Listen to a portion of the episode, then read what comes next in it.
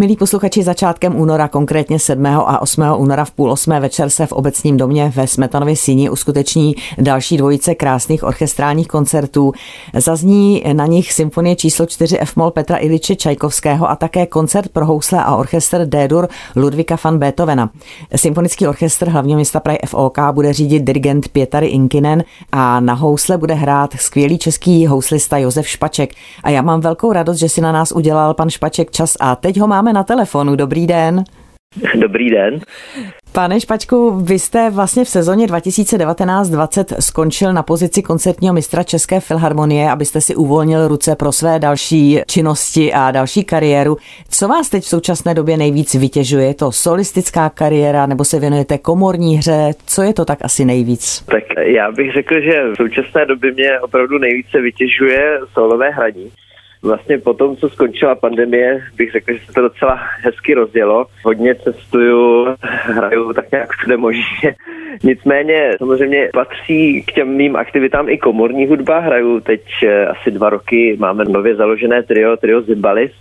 No a také se věnuji i pedagogické činnosti, a to zejména v létě, kde vyučuji na Ševčíkově akademii. Takže těch aktivit je opravdu hodně a vlastně i musím říct, že párkrát do sezóny se ještě také objevím jako koncertní mistr České filharmonie jako host. Takže mám opravdu rozepjaté chapadla do všech sfér. Já jsem se dívala na vaše webové stránky, tam je celá řada koncertů, které vás čekají v těch nejbližších dnech v únoru, v březnu a my teď spolu mluvíme po telefonu, protože jste opravdu velmi vytížena. Já jsem se dívala, že v nejbližších dnech, ještě před tím pražským koncertem, vás čeká, tuším, dvojice koncertů, jedna právě s tím triem cymbalist a jedna také s klaviristou Miroslavem Sekerou. Patří pan Sekera také k vašim pravidelným komorním spolupracovníkům? Tak s Mirkem já vystupuju už přes 10 let. Je to takový můj parťák. A ano, budeme spolu hrát v Hágu, v Holandsku. Já tam mám takovou menší rezidenci v této sezóně, proto mě tam čeká právě recitál s Mirkem čeká mě tam i komorní koncert s kterým Zimbalist. No a ještě předtím, než zavítám tam, tak ještě se krátce objevím i v Olomouci, kde budu hrát Martinu první houslový koncert, takže teď zrovna jste mě chytla v takovém období, kde je toho opravdu hodně. No a za nedlouho, pokud se nepletu, vás také bude čekat debit s šikákskými symfoniky, je to tak? Ano, to mě čeká v březnu. Tam přijedu hrát Martinu taky houslový koncert číslo jedna a ten koncert bude slavit 50 let nebo 50 a půl let, abych byl přesnější od své premiéry, která právě proběhla v Chicagu s chicagskými symfoniky. A řídit to bude jako hruše, takže se na to nesmírně těším.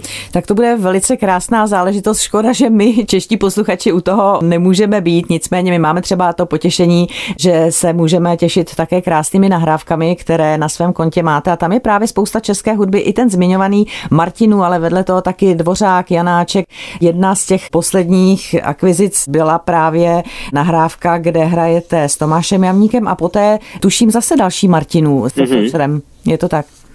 Ano, je to tak. Já bych řekl, že teď je pro mě takový období v mém životě, kde se hodně věnuji Martinu, protože Martinu samozřejmě toho napsal celou řadu. A on, bohužel Martinu je vždycky takový ten úžasný tedy český skladatel, který ale přichází až potom, co si vždycky naučíme ty dvořáky a ty suky a ty smetany, jo. Ale já mám nesmírnou radost právě, že se mu teď mám čas věnovat a že ho takhle můžu jako ve světě propagovat. No. Ono se to tak krásně snoubí, vlastně rok 2024, rok české hudby, už jsme do něj vstoupili, tohle určitě jsou vaše příspěvky právě k roku české hudby. Čeká vás ještě, předpokládám, nějaká další řada podobných koncertních vystoupení, které právě budou souviset s rokem české hudby? Ano, je to tak, protože samozřejmě ti skladatelé, což tady vlastně nebyl Martino, protože Martino nemá narozeniny ani úmrtí právě s tou čtyřkou na konci. Nicméně je tam v této sezóně například budu hrát závěrečný koncert na Pražském jaru, kde zazní Janáčkův houslový koncert putování dušičky nebo Dvořákův Mazurek. Jo, takže ty skladatelé, kteří tu čtyřku mají, tak na konci, tak mě v této sezóně čeká ještě hodně eh, vystoupení, no, i různě po světě. Takže tak, no. Pojď, pojďme se teď vrátit k tomu koncertu, respektive té dvojici koncertů 7. a 8. února ve Smetanově síni obecního domu. Já jsem říkala, že tam budete hrát Beethovenův houslový koncert a budete hrát s Fokem. Jaká je vaše spolupráce a zkušenost se symfonickým orchestrem hlavního města Prahy FOK? Tak je, já jsem s Fokem eh, již několikrát vystupoval, ale musím říct, že už je to docela delší řádka let, kdy jsme spolu dlouho nic nehráli. Takže já se na tu spolupráci velmi těším, že se to takhle zase obnoví a vlastně i ta spolupráce s Pětarym je moc příjemná, protože my jsme s chodou okolností minulý týden se potkali v Koreji na koncertě, kde mimo jiné zazněl Dvořákův houslový koncert, takže s ním mám takový bližší vztah, protože už jsme pár projektů spolu dělali. No a na tom koncertě, nebo na těch koncertech v Praze kde zazní samozřejmě Beethoven houslový koncert, tak já jsem vybral kadence od Alfreda Šnického, což se moc eh, těším na to, že představím tady pražskému publiku, protože to jsou kadence, které se nehrají tak často. Jsou to kadence, které napsal Alfred Šnické pro Gidona Kremra v 70. letech a jsou zajímavé tím, že oni citují celou řadu významných světových houslových koncertů, takže je to taková v podstatě koláž a skvěle to zapadá právě do toho Beethovenova houslového koncertu koncertu, takže myslím si, že se máme všichni na co těšit, jak já, tak doufám i posluchači. Tak to je docela zajímavá věc, kterou říkáte, to asi málo kdo tuší, že vlastně je takováhle kadence, která nebývá tak často hrána. Čím to je? Je náročná hráčsky, nebo proč se nehrává tak často a která se tedy hrává častěji? Tak samozřejmě ta tradiční kadence k Beethovenově huslovému koncertu je od Fritze Chryslera, ta už se hrává, bych řekl, prostě 100 let nebo možná i víc. A samozřejmě tady ta kadence Šnického, já myslím, že ji právě proslavil docela Gidon Kremer, nicméně se neobjevuje tak často, protože ona je vlastně v uvozovkách taková trošku jako bláznivá.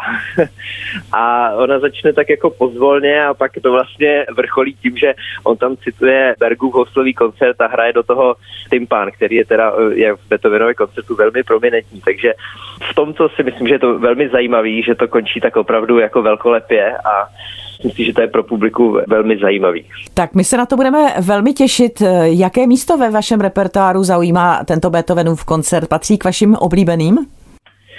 Beethovenův koncert je určitě můj nejoblíbenější koncert, takže v mém repertoáru zaujímá opravdu speciální místo. Má tam takový svůj trůn. tak my se budeme velice těšit na to provedení tady v Praze v obecním domě, jak jsem říkala, 7. a 8. února v půl 8. večer, více na www.fok.cz. A já jsem moc ráda, že se s námi podělil o osobní pozvání Josef Špaček, který bude solistou tohoto koncertu a my se těšíme nejen na setkání s vámi tady v obecním domě, mě, ale na všech dalších koncertech, které tady v České republice uskutečníte. A samozřejmě, že vám přeju, ať se vám daří a budeme se těšit opět někdy naslyšenou. Moc děkuji, také se moc těším a někdy naslyšenou. Mějte se hezky, díky. Naschle.